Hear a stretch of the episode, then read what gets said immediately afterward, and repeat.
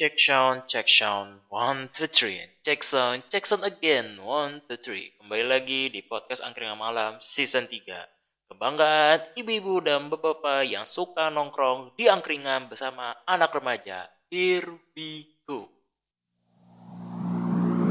One,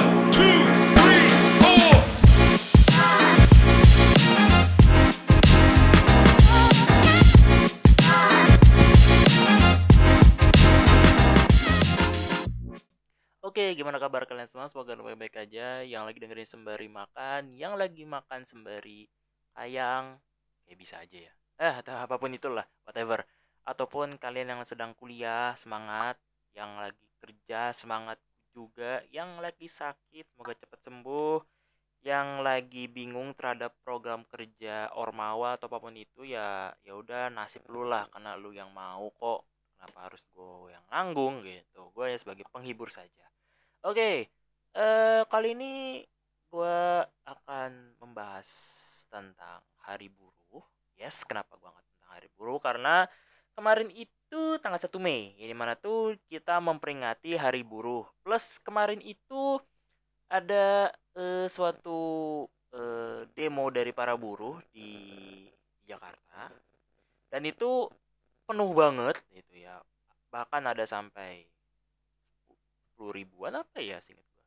Atau ratusan mungkin lebih. Dan itu dari ini ada gue ngambil kutipan dari statementnya Pak Ketua Partai Buruh ya. Jadi dia itu akan mengajak 5 juta buruh di Indonesia untuk mogok terhadap eh, apa namanya UU Cipta Kerja atau Undang-Undang Cipta Kerja. Serta dia akan eh, memperkirakan itu terjadi di bulan Agustus seperti itu. Lalu juga dia akan apa namanya eh, ini akan berdampak kepada 100 ribu perusahaan yang ada di Indonesia dan itu akan berdampak secara ekonomi global gitu. Yang selanjutnya tujuannya dari si buruh ini turun itu adalah untuk ya kan mengecam batalnya UU Cipta Kerja yang sudah difikskan oleh DPR plus dia juga juga melaporkan kepada ILO yang government yaitu yang ada di luar negeri serta eh, juga melaporkan kepada Dirut eh, ILO ASEAN Pacific. Dia juga eh, meminta nanti katanya juga akan mau turun untuk mencari fakta-fakta yang sebenarnya apa sih yang terjadi di Indonesia gitu. Lalu dia juga apa namanya bersikeras bahwa UU Cipta Kerja ini berdampak eh, sangat apa ya membawa dampak buruk lah kepada buruh gitu. Jadinya ya ke- muncullah gitu loh gerakan ini. Dan ini juga gerakan yang setiap tahun ada gitu. Karena ya kita tahu bersama bahwa buruh ini tuh adalah suatu apa ya bahasanya apa ya salah satu penopang gitu. Salah satu penopang eh, ekonomi di suatu negara gitu. Tanpa adanya buruh itu perusahaan nggak ada. Tanpa ada perusahaan nggak ada namanya income untuk negara karena income-nya itu terdiri dari pajak plus eh, apa namanya eh, investor-investor gitu masuk ke dalam Indonesia serta diolah lalu dikirimkan gitu. Dalam bentuk apa? Kepada buruh itu dalam bentuk gaji. Plus juga dari peraturan-peraturan UU Cipta Kerja yang sangat-sangat kontroversi ya kan? Kalau misalnya gue sebut apa kontroversinya wah bisa-bisa dua jam ini apa podcastnya. Karena saya sekarang mau fokus tuh podcast tuh hanya kurang lebih 30 menit lah gitu. Karena kalau kepanjangan kurang worth it gitu. Nanti yang denger ngantuk ya kan. Ya ngaku lu lu dengerin podcast gue hanya 10 menit doang kan. Eh, nonton apa nonton lagi. Lu dengerin gua apa mau ini? Pengen tahu doang gitu ya. Jadi seperti itu. Jadi kali ini kita akan bahas tentang hari buruh tanggal 1 Mei. Here we go Buruh tani mahasiswa rakyat miskin kota Bersatu padu rebut demokrasi Gegap gempita dalam satu suara Demi tugas suci yang mulia Kalian sedang mencari hostingan terbaik dan mudah dalam memonetize. Pas banget nih lo dengerin ini. Karena menurut gua lo cobain namanya First Story. Karena bener-bener nih hosting itu paling terbaik tau nggak? 10 per 10 bahkan seribu per sepuluh, bahkan bisa sejuta per sepuluh. Karena apa? Keren, wonderful, worth it, dan pastinya mudah. Dan ini bisa digunakan di semua platform atau semua device yang lu punya gitu. Mau di iPhone, mau di mana pun bisa. Bahkan lu bisa mendetailkan pendengar lu Dengan cara apa? Lu tinggal gunain aja first story Lu bisa tahu dari situ Dan lu bisa mengeksplor semua Semua pendengar dari episode-episode podcast lu Dan sekali lagi Jangan lupa Gunain first story di device kalian maupun kalian suka. Oke, eh, kita mulai ya. Jadi sebelum kita masuk ke dalam pembahasan agak sedikit kompleks, kita coba bahas dulu sebenarnya hari buruh itu apa sih dan itu kapan dimulainya dan seperti apa. Nah, jadi hari buruh ini itu hari buruh ya. Sering kita setiap tahun pasti mendengar kata hari buruh. Setiap tahun kan ini udah apa agenda tahunan gitu. Nah, hari buruh ini berasal dari Amerika Serikat. Dan benar itu dimulai pada pada pertengahan abad ke-19 dan ini dimulai dari ada namanya. Itu kan ya lu tau lah pada saat itu kan lagi e, perkembangnya industri kan pesat gitu. Karena masa-masa itu kan lagi masa revolusi industri ya kan? Lalu e, tapi gimana ngomongnya? Tapi itu lalu. Tapi aja deh.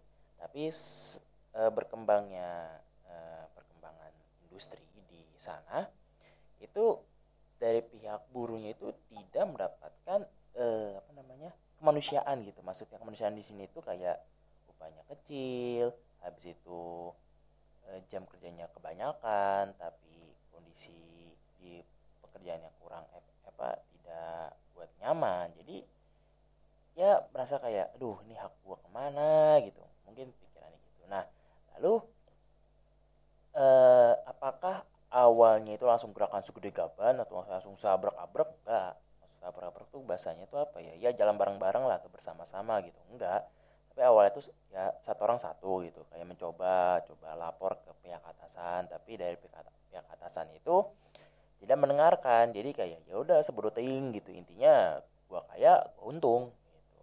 Nah itulah kenapa e, dari serikat apa bukan serikat sih lebih tepatnya dari buruh itu membuat perkumpulan gitu. Kayak awal-awal diskusi lama-lama jadi mem mempersatukan tujuan yang sama. Itulah dibuatnya e, sebuah organisasi nama itu labor union atau serikat pekerja.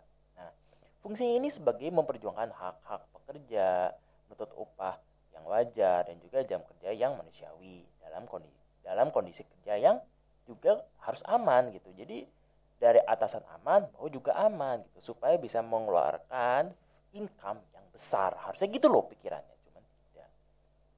Cuman tidak sama sekali tapi tidak atau kemungkinan juga. seperti lagi untuk itu e, lanjutnya e, serikat pekerja ini merayakan hari peringatan ya itu pada e, pada tanggal 5 September 1882 itu lebih dari 10.000 pekerja itu mengadakan uh, apa demonstrasi di New York untuk uh, apa namanya ya sebagai bentuk perayaan dan reminder untuk para perusahaan supaya sadar bahwa hak-hak para pekerja itu juga perlu gitu supaya bisa aman.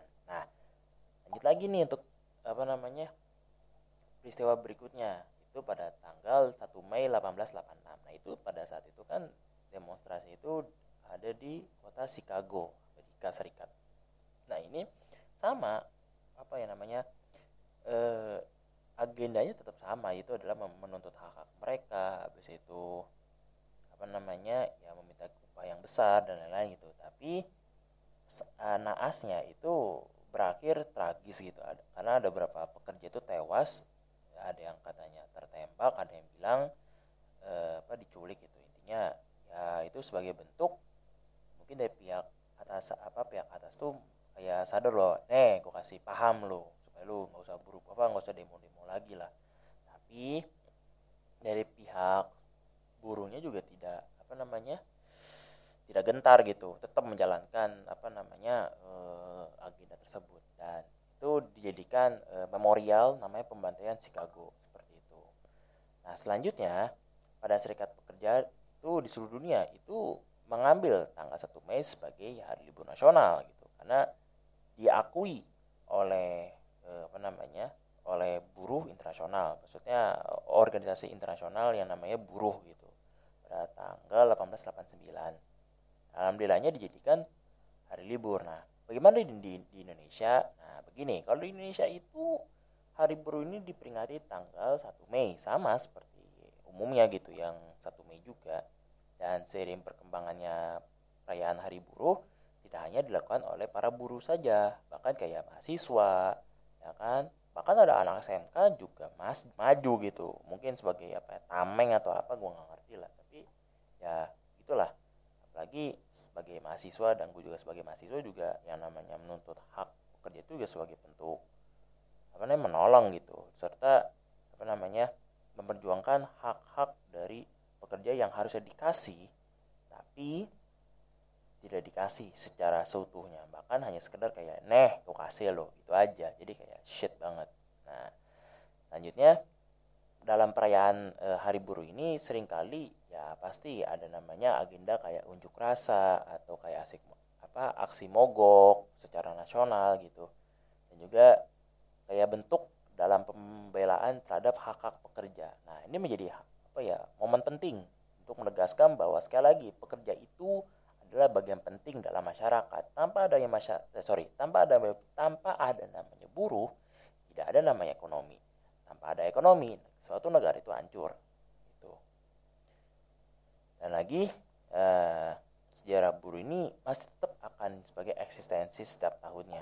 Seperti itu. Nah, itulah kenapa kita sebagai uh, warga atau masyarakat umum sebagai yang mungkin masih SMA bahkan masih kuliah yang namanya uh, apa uh, urgensi kita tuh atau apa ya kerja kita harusnya ngapain sih gitu. Ya kita ya kalau misalkan kalian nggak bisa namanya demo ya lu buktikan dengan cara lu apa memberikan unjuk rasa dalam bentuk konten gitu. Atau enggak ya lu membuat suatu ide atau apa yang di mana tuh membela namanya buruh gitu. Karena banyak kok yang kemarin aja yang waktu eh, apa namanya Bu Puan yang mengesahkan undang-undang aja langsung kok di apa diserang oleh apa eh, apa karya-karya gitu. Bagus kalau diserang oleh dengan karya bagus gitu. Tapi ada namanya itu secara lebih eh apa eh, lebih lebih door itu harusnya pakai turun jalan sih. Tapi kalau misalkan kalau apa turun ke jalan tuh malah jadi gemes-gemes gimana gitu ya saatnya gitu di kasih paham di tingkat karya. Tapi karya juga butuh waktu karena ngedit terus apa apa dan apa apa pun juga capek gitu. Gak, tapi nggak apa-apa sebagai bentuk kita harus mendukung seperti itu. Tapi apakah hanya dalam dalam bentuk membuat doang? Tidak gitu kita bisa juga dengan cara kita buat namanya itu sekedar apa ya eh, buat ajang diskusi antar mahasiswa ataupun coba undang pemateri dari seorang buruh yang benar-benar buruh loh. Maksudnya buruh sini tuh kayak emang secara hak dia ngerti secara sistemnya atau mungkin lu bisa undang uh, organisasi buruh di Indonesia ada tuh apa la sih labo atau apa gitu. Tadi yang di itu loh apa di apa sesi sebelumnya tuh yang di pembukaan gitu. Kan tadi gue sebutkan nama organisasi apa nama organisasinya kayak gitu. Tambah lagi dengan yang namanya seorang buruh sekali lagi butuh namanya di hak itu diadil haknya itu ditinggi tapi ini ada dua perspektif yang bisa gue jelasin dari segi apa namanya dari lab apa perusahaan serta dari uh, apa namanya dari buruh. Buruh sini tuh yang tadi gue bilang gue tadi udah udah jelasin tentang apa hak haknya itu kan sudah hampir gue jelasin. Nah sekarang gue jelasin yang bagian perusahaan apa perusahaan. Pada arti gue nggak mau jelasin yang apa namanya yang buruh bukan. Tapi takutnya mengulang aja kan agak sedikit boring gitu. Tapi gue langsung aja. Untuk yang perusahaan itu eh, gimana ya? Ini aduh agak sedih aja gitu. Yang di mana yang harusnya buruh itu bisa mema memanusiakan manusia malah memanusiakan ego dan gaya gitu. Kenapa gue bisa begitu? Begini. Jadi gue juga lihat dari postingan gitu yang ada yang demo yang masuk ke jalan tol sebenarnya itu dibilang gaya bagus bagus tapi ya apakah itu akan apa namanya si masyarakat itu nyaman? Maksudnya ada loh orang yang menggunakan tol itu ya kan? Ada yang lebih berhak gitu. Tapi malah disalahgunakan gitu bukan dalam arti ngelarang bukan. Tapi ya tolonglah gitu. Itu kan fasilitas umum gitu. Kalau bisa ya cari tempat yang emang seharusnya bisa sesuai dengan apa ya mencurahkannya loh. Dengan cara apa? Ya lu turun. Lu bisa unjuk rasa ke depan gedung apa ya gedung kementerian kementerian apa perdagangan atau kementerian ekonomi ataupun siapa pun itulah intinya m- menunjukkan eksistensinya lu sebagai pekerja itu sesuai dengan apa yang lu butuhkan gitu. Jangan lu demo di depan tol nggak ada gunanya gitu. Anda mau nuntut ke siapa? Eh, pihak tol ya? Enggak gitu. Jadi sekali lagi emang butuh namanya tuh pemahaman yang jelas supaya para buruh ini beserta perusahaan tuh bisa mengerti. Nah lanjut ya. Apakah eh, hari buruh ini eh, hanya sekedar kayak minta hak atau minta apa namanya eh, menuntut eh, uangnya gede apa eh, gajinya gede habis waktunya di dimanusiakan gitu. Enggak gitu. Tidak hanya sekedar itu aja gitu. Butuh namanya itu pendidikan. Nah pendidikan itu manfaatnya buat siapa aja sih gitu. Sekali lagi pendidikan itu tidak hanya sekedar hanya buat seorang pelajar. Enggak gitu. Bahkan gini gue nemu satu salah satu kata-kata motivasi mengatakan bahwa iya kalau kutipan yang gue buat untuk postingan Instagram eh sorry postingan eh, grup kelas gue adalah pendidikan itu tidak hanya sekedar eh, namanya meng- mengejar eh, jabatan atau mengejar apa namanya eh, medal atau apa eh, ucapan wih selamat. Enggak gitu. Pendidikan itu sampai akhir hayat kamu akan terus belajar. Nah faktanya emang bener gitu lu mau belajar agama lu mau belajar astronomi lu pengen belajar tentang bagaimana cara bisa mengelola, mengelola mesin atau mengelola komputer itu kan juga butuh belajar. Nah makanya itu kita akan cari ya. Kita cari di pada sesi berikutnya tentang antara buruh dengan pendidikan. Pasti akan seru nih karena pembahasan di angkringan malam tuh selalu seru lah. Tidak garing tidak boring dan selalu relate terhadap sekarang. Oke lanjut kepada berikutnya here we go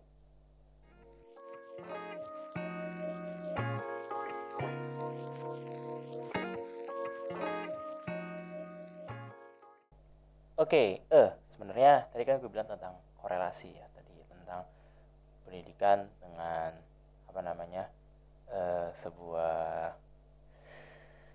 buruh. Jadi gini, bentar dulu nih, bentar, dulu, bentar dulu nih, gue nyari air putih dulu nih, bentar. Aus jir, ngomong 30 menit. Gak sih sebenarnya gue ini aja kalau misalkan ya ini sembari gue cerita-cerita ya sebelum gue mulai lah. Jadi plus minusnya menjadi podcaster tuh ya gini. Ngobrol 30 menit nanti nggak tahu sejam. Nanti ngambil yang bagusnya doang. Nanti kalau misalnya udah buang. Capek. Capek. Itulah apa eh, buruh di dalam freelancer ya. Lebih parah karena tidak ada batasannya shit banget Yaudah kita mulai Hmm. Bismillah jadi gini pendidikan dan buruh memang eh, dua hal yang saling terkait dalam menopang ekonomi sebuah negara gitu. Apalagi pendidikan juga dapat membentuk dan juga meningkatkan kualitas dari sumber daya manusianya. Sementara buruh merupakan kekuatan tenaga kerja yang memperkuat sektor ekonomi. Dalam apa ya? Dalam ini kita benar-benar kita akan kita akan gali lagi terhadap antara buruh dan pendidikan supaya kita bisa apa ya? bisa menemukan pandangan bahwa oh, kita sebagai manusia itu dalam bisa mendukung atau kayak berkontribusi dalam semua negara itu gimana sih caranya gitu kita mulai ya jadi gini sekali lagi ya pendidikan itu memang penting sebagai bentuk meningkatkan meningkatkan kualitas sumber daya manusianya dengan cara apa? Ya belajar. Belajarnya bagaimana? Dibuat kurikulum. Gimana cara buat kurikulumnya? Sesuai dengan keadaan sekarang gitu. Karena begini gue nemu salah satu postingan gimana itu eh, ini debat kayaknya debat atau apa gitu. Karena ini hanya potongan doang kan. Gue masih masih mencari nama video nama, nama videonya. Dia itu mengatakan bahwa eh, 75% itu pendidikan kita itu tidak relate terhadap apa namanya eh, apa loker itu atau kayak lowongan pekerjaan. Karena apa? Karena gini kalau kata dia analogi nih anak SMK ya belajar akuntan itu banyak ya kan? Tapi apakah bisa kepakai di tingkat pendidikan apa di tingkat pekerjaan? Tentu saja tidak bisa. Kenapa? Ya namanya akuntan itu akan digantikan bahkan perakiraan 2035 atau 2025 itu mesin akan menguasai pekerjaan-pekerjaan yang minim. Contoh akuntan atau pajak atau hitung-hitungan yang apa ya yang perintil-perintilan. Itu akan diambil alih oleh mesin. Apalagi mesin itu harganya lebih murah. Karena apa? Setiap tahun pasti mesin akan turun gitu. Sedangkan kalau manu- manusia setiap ya yang diambil oleh oleh mesin ya kan? Makanya itu kita sebagai manusia ya kan butuh namanya itu ilmu supaya tidak diambil alih oleh mesin gitu. Tapi tidak juga menutup kemungkinan gitu. Kalau misalkan kita pengen sukses gitu atau kayak pengen semacam kayak duh apa ya mesin naik. Ya sorry lebih tepatnya mesin turun tapi kualitasnya memakan 5 sampai 6 orang. Tapi dari manusianya gajinya gede tapi kualitasnya malah minim kan jadi kayak kurang gitu. Makanya tuh so- so- sebuah perusahaan juga mikir dua kali gitu nah makanya itu sebagai manusia itu adalah belajar. Belajar belajar belajar belajar belajar gitu. Lu mau belajar makan belajar minum belajar agama belajar filsafat atau apa pun itu belajar duit gitu. Lakukan. Gak usah nunggu kayak ah nunggu aja dah gue mau istirahat atau apa bla bla bla bla. Lu mau kapan suksesnya motherfucker? Gitu. Lanjut lagi ya. Jadi pendidikan itu eh, juga dapat mem- membuat sebuah ah, bukan sebuah seorang buruh itu lebih produktif dan efisien dalam bekerja dengan pendidikan yang baik. Bahkan bu- bukan bahkan eh, buruh dapat mengembangkan keterampilan teknis dan non teknis gitu. Teknisnya kayak gimana? Mesin non teknisnya apa? Mikir gitu. Nah selanjutnya untuk seperti keterampilan dan komunikasi manajemen waktu atau kreativitas ya kan itu bisa diatur gitu. Dengan cara apa? Ya belajar ya. Lu belajar dan praktek gitu. Dan itu pendidikan juga meningkatkan kemampuan adaptasi seorang buruh terhadap perubahan lingkungan kerja yang dinamis dan perkembangan teknologi yang terus terus terus dan terus menerus berkembang. Kenapa gue bilang terus terusnya tiga kali? Karena lu pikir aja gitu. HP sekarang yang di mana itu ya dulu kan yang sekedar kayak nelpon sekarang udah bisa ngegame, udah bisa ngedit, udah bisa apa namanya buat berita, udah bisa buat presentasi, udah bisa pakai AI, gimana powerfulnya gitu. Nah, apakah manusia pengen tergeser atau sebagai kayak babunya sebuah teknologi? Apakah lu mau kayak gitu?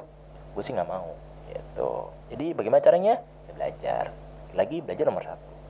Lanjut lagi. Dalam hubungannya dengan eh, pendidikan, buruh terhadap ekonomi, begini. Buruh ini kan memiliki peran sentral ya teman-teman gitu. Dia memiliki peran sentral dalam memperkuat sektor seperti manufaktur, pertanian, dan jasa. Tenaga kerja yang kuat mampu menopang stabilitas ekonomi dan memberikan kontribusi pada pertumbuhan ekonomi. Dan juga dalam dalam dunia globalisasi, kemampuan buruh juga harus menyesuaikan dengan persaingan ekonomi global seperti memenuhi standar yang mungkin sudah diatur oleh perusahaan atau ngikutin standar internasional dalam materi dan kualitas produk dan mempertahankan harga yang kompetitif. Peningkatan hubungan antar pendidikan dan buruh akan membawa dampak positif da- pada kondisi ekonomi suatu negara. Pendidikan yang lebih baik akan membantu buruh mengakses informasi, meningkatkan produktivitas dan keterampilan teknis, serta memperkuat kompetisi di dunia nasional maupun internasional. Di sisi lain, kemampuan buruh untuk bergabung dalam serikat buruh dan organisasi negosiasi buruh juga dapat membantu meningkatkan kondisi kerja dan juga kesejahteraan pekerja. Maksudnya apa? Jika lu masuk dalam organisasi yang satu lini atau serikat buruh, lu akan mendapatkan sesuai dengan hak yang lu pengen gitu. Contoh kayak lu pengen gajinya tuh 10 juta, ya lu masuk dan lu memperjuangkan hak itu dalam apa? Dalam organisasi seperti itu. Selanjutnya, pemerintah, ini ada perannya nih pemerintah nih. Pemerintah juga punya peran penting dalam meningkatkan hubungan antara pendidikan dan buruh. Nah, dengan cara apa? Pemerintah juga bisa membantu membangun sistem pendidikan yang baik, memfasilitasi akses bagi seluruh, oh seluruh sih, Eh, bagi buruh. Nah itu dia, bagi buruh untuk mengikuti pelatihan dan pendidikan keterampilan. Nah, pemerintah juga dapat membantu nih meningkatkan hak buruh dan mendorong adanya standar minimum kerja yang baik.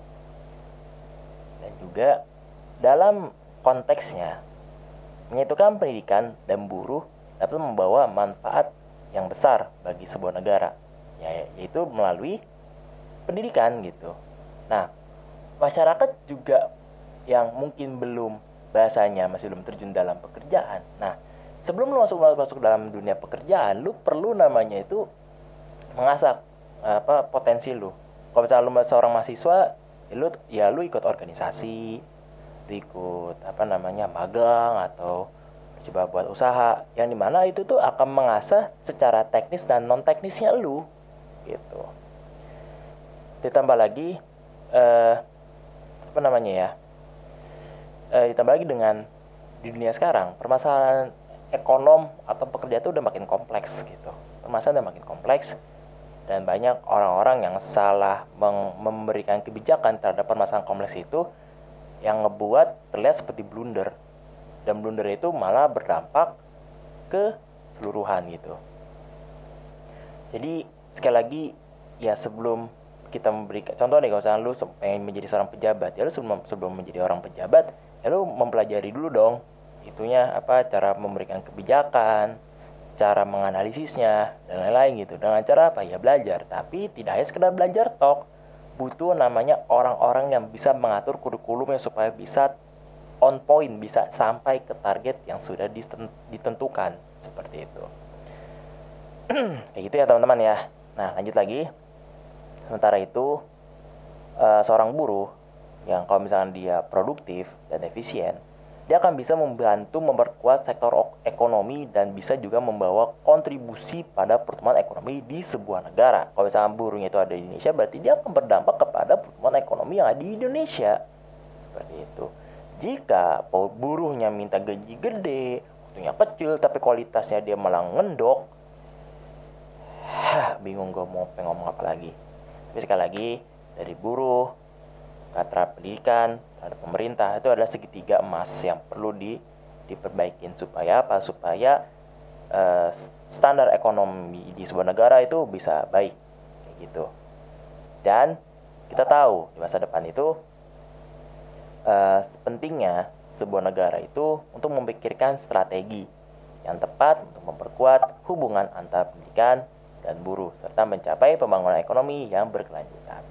Kayak begitu teman-teman. Jadi sudah bisa dipahami secara uh, saksama bahwa pendidikan itu memang perlu banget apalagi seorang buruh gitu. Apalagi lu pengen menjadi orang-orang yang pengen jadi pengen jadi orang banget, lu ya, ya belajar gitu.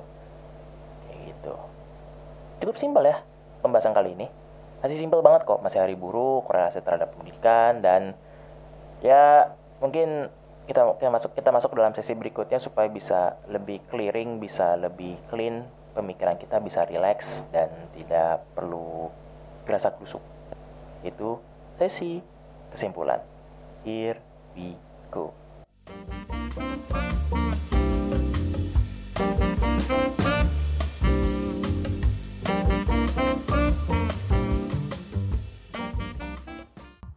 Ya mungkin eh, apa namanya segitu aja. Karena yang namanya hari buruh itu tak lepas dari namanya eh, apa namanya primer dan sekunder. Primer itu adalah pendidikan sekunder adalah eh, apa namanya output dari setelah lu meminta itu itu plus eh, apa namanya ya mungkin eh, segitu aja untuk penjelasan episode kali ini.